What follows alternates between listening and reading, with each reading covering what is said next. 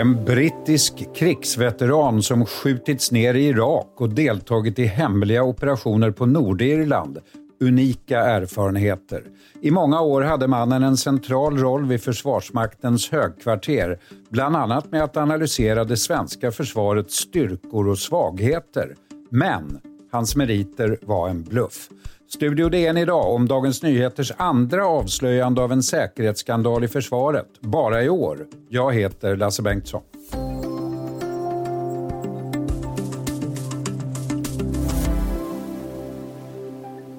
Ja, hur har det kunnat hända ännu en gång? Ytterligare en man med falska meriter och påhittad bakgrund som har gjort hög karriär inom Försvarsmakten. Dyningarna har knappt lagt sig efter det tidigare avslöjandet i början av året då säkerhetsbristerna också ledde till stor internationell uppmärksamhet. Välkommen Mikael Delin, specialreporter som också gjort det här nya avslöjandet. Det är inte utan att man häpnar, Mikael. Nej, det är en väldigt märklig historia faktiskt. Det, det, vi tyckte att den första var, var uppseendeväckande nog, men så dyker det upp en till. Hur började du och ni själva nysta i det här nya fallet? Det kom sig av, efter vår första granskning då, av den mannen som vi kommer att kalla falsk officer, så, så kom det ju uppgifter till oss om, om olika personer och så som eh, läsare tyckte att vi skulle titta på. Och eh, efter ett tag så dök det upp eh, information även om den här personen som hade väckt eh, frågor internt. I sin eh, chefstjänst vid högkvarterets insatsstab har alltså den här mannen arbetat med att analysera det svenska försvarets styrkor och svagheter. Det låter ju onekligen som en mycket viktig uppgift. Ja, utan att gå in för mycket på eh, exakt vem, vem den här personen är och, och, vad han har gjort så kan man ju säga att det är ju en centralt placerad befattning. Det är ju, det, det är ju härifrån som det svenska försvaret styrs vad man gör och när man gör det och hur man gör det. Och det är ju klart att, att analysera allt det är ju viktigt. Eh, så det får man verkligen se. Men han, alltså, han jobbade alltså i ett antal år och sen började han uppenbarligen påstå nya saker om sig själv, inte sant? Ja, hans karriär i Sverige eh, är egentligen uppdelad i två steg. Först är han på eh, Totalförsvarets forskningsinstitut, FOI, och i den rollen arbetar han även på Försvarsmaktens högkvarter. Och där är han så att säga analytiker och det är också det enda som han hävdar. Om man tittar på hans gamla CV är han ingenjör och analytiker. Sen mm. anställs han formellt vid försvaret 2013 och då börjar det dyka upp de här nya uppgifterna. Hans anställning, det han jobbar med ändras inte, men tittar man på hans CV då så har han plötsligt dessutom varit eh, Eh, militär, eh, helikopterförare, deltagit i strid och i hemliga operationer och la ut det dessutom offentligt på, på sociala medier, inte minst på Facebook. Och Det är vi tacksamma för. Det är ju det som möjliggör att vi har möjlighet att granska honom eftersom Försvarsmakten bekräftar falsarier på CV eh, och enligt våra uppgifter har inte heller den brittiska flottan kunnat hitta honom eh, som anställd i sina register. Men för oss att kunna granska det med all sekretess som finns så har det ju varit bra att han så vidlyftigt har berättat om det han har gjort och lagt upp bilder. För det har ju eh, gett mig möjlighet att titta närmare på det och där hittar vi ju rätt mycket fel.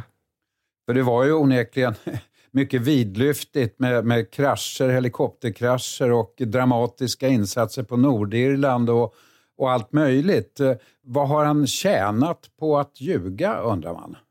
Ja, det är en bra fråga om man lyssnar på Försvarsmakten så har det inte spelat in, säger de. Rent formellt så är det här inte meriter som har varit viktiga för de civila tjänster han har sökt och fått. Sen kan man ju ställa sig frågan såklart, har det inte någon betydelse formellt eller informellt om en person som mm. söker jobb vid Försvarsmakten också berättar om en lång karriär inom brittiska försvaret. Men, men eh, det är ju möjligt att drivkrafterna är andra eh, än att få tjänster. Det, det, kan jag bara spekulera i. Ja, man, man funderar ju onekligen själv på om, om han har, det har varit ett sätt att ta sig närmare in och att han har varit lejd av någon annan naturligtvis. Den frågan kommer ju ganska snabbt. Mm.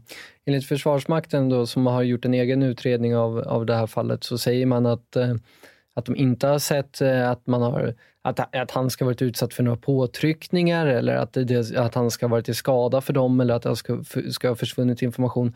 Jag har inte heller någon information eh, som, som tyder på motsatsen. Och själv eh, hävdar han ju eh, tvärtom att allting är sant i stort sett. Men, men eh, den stora frågan blir då snarare eh, risken som han har utsatt Försvarsmakten för. Ja, han har alltså skött sitt jobb under ett antal år men ljugit och, och då undrar man vad är problemet? Så här säger Försvarsmaktens personaldirektör Claes Excel. När man ljuger så är man alltid, då utsätter man sig alltid för en risk. Och eh, den risken har vi att förhålla oss till och att hantera och det är också det vi försöker komma åt. Vad menar du då? Med vilken risk menar du? Ja, men man blir sårbar om man ljuger. Man kan utsättas för utpressning eller Absolut. annat? Ja. Och det är därför vi inte vill ha människor som ljuger. Vi vill inte ha människor som eh, ljuger på olika sätt i, i CV eller någonting annat. Mm. Och även om det inte är brottsligt att ljuga i ett CV på något sätt så är det någonting som, som är så att säga eh, beklagligt och belastande. När vi upptäcker det, då vidtar vi åtgärder. Han var alltså åtminstone tillfälligt placerad i högsta säkerhetsklassen och när en person får just sådana uppgifter måste bakgrunden kollas extra noga, tycker man. Ja, det är det, är det som eh, både vi och, eh, skulle jag tro, Försvarsmakten egentligen förväntar sig. Vad var det som gjorde då egentligen att han avslöjades?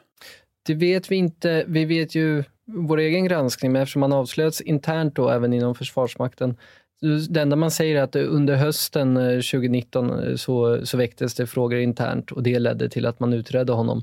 Exakt hur det har gått till, när det har gått till, vem som har reagerat, eh, det har man inte velat svara på. Men vi vet ändå att trots att han bluffat så fick han sex månadslöner för att sluta.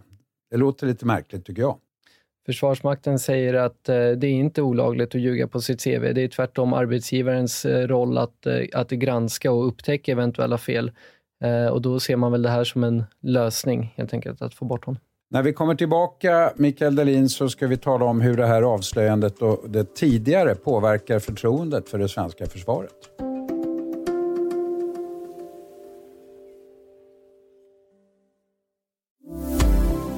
Ja, Mikael Delin som gjort det nya avslöjandet om säkerhetsbristerna inom Försvarsmakten. Vad tycker du själv är det mest uppseendeväckande? Det mest uppseendeväckande är väl kombinationen av hans påståenden. Du nämnde dem innan, men han skriver ju om hur han har deltagit i hemliga operationer, flugit helikopter med ena handen och skjutit med den andra och hur han överlevt eh, den här nedskjutningen i Irak då under Gulfkriget de uppseendeväckande uppgifterna i kombination med att ingen på Försvarsmakten tycks ha ställt sig någon fråga kring rimligheten i att vi har en analytiker som sitter på högkvarteret men som är en brittisk Rambo. Mm. Det, är ju, det, det, är ju erfarenheter som borde göra honom tämligen unik. Eh, och, och, och det då alltså, nivån på det som man har påstått i kombination med att ingen har väckt frågor kring det, eh, är det som jag tycker verkar mest uppseendeväckande. Det låter ju som en eh, klassisk mytoman. Ja, det är egentligen upp till andra att bedöma, men, men det är ju det är svårt att veta egentligen vad drivkraften är bakom, bakom det. Och förra gången, Mikael, då i tidigt eh, i år så gällde det en falsk officer som i många år arbetade på en av försvarets allra känsliga, känsligaste platser, alltså säkerhetskontoret på MUST, militära underrättelse och säkerhetstjänsten. Fick sen också prestigetjänst vid NATOs militära högkvarter, SHAPE. Och då blev det reaktioner också internationellt efter det avslöjandet, inte sant? Ja, det stämmer. Bland annat eh, finska talespersoner, eller talespersonen för finska försvaret var ute och sa att min fantasi räcker inte till. I Frankrike ställde man sig frågan att Sverige med eh, personnummer och allt vad det innebär, den, den kontroll man har på medborgare här, hur kan det inte upptäckas? Och från Nato ställde man sig ju såklart frågor eh, eftersom eh, Sverige hade gått i god för den här personen, uppgraderat honom och skickat honom till deras militära högkvarter. Den, vi får ju se vilken mån som det här fallet får samma betydelse eftersom den här inte har jobbat på samma sätt i internationella utlandstjänster och så som den som vi kallar falska officeren hade gjort. Förra gången eh, efter det fallet så sa Karl-Axel Blomdahl, ställföreträdande stabschef vid ledningsstaben, så här till SVT. Jag kan konstatera att det har varit en, en rad olyckliga omständigheter och sen måste man hålla isär då hur det var för ett 20-tal år sedan då på 90-talet och i början på 00-talet och hur vi går tillväga nu när vi anställer folk. Olyckliga omständigheter och eh, det har uppenbarligen enligt Blomdahl förändrats någonting de senaste 20 åren. Vad skulle det vara?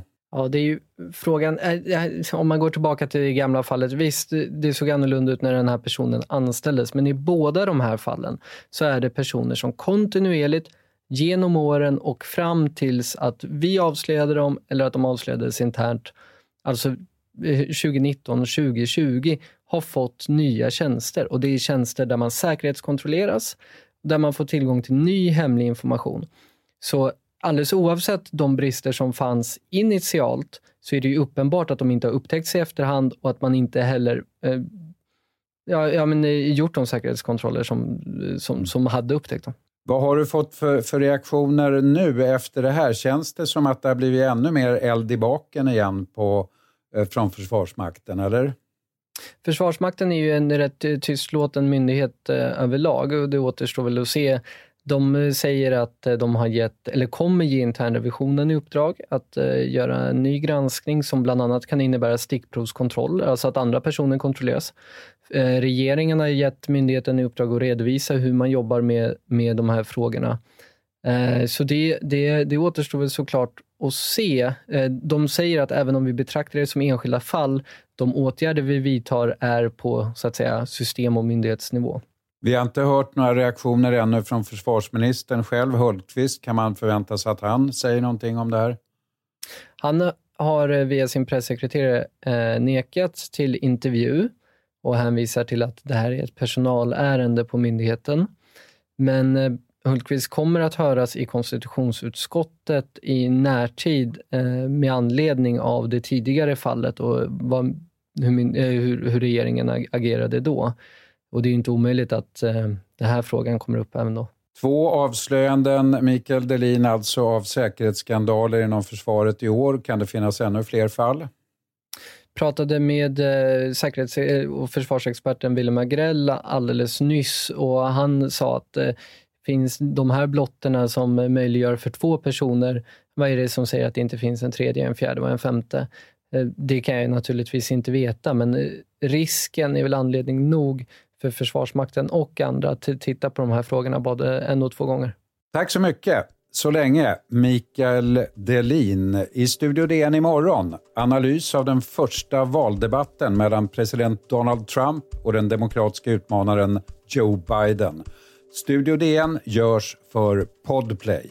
Producent Sabina Marmelakai, exekutiv producent Augustin Erba, ljudtekniker Patrik Miesenberger och teknik Jonas Lindskog, Bauer Media. Jag heter Lasse Bengtsson. Vi hörs.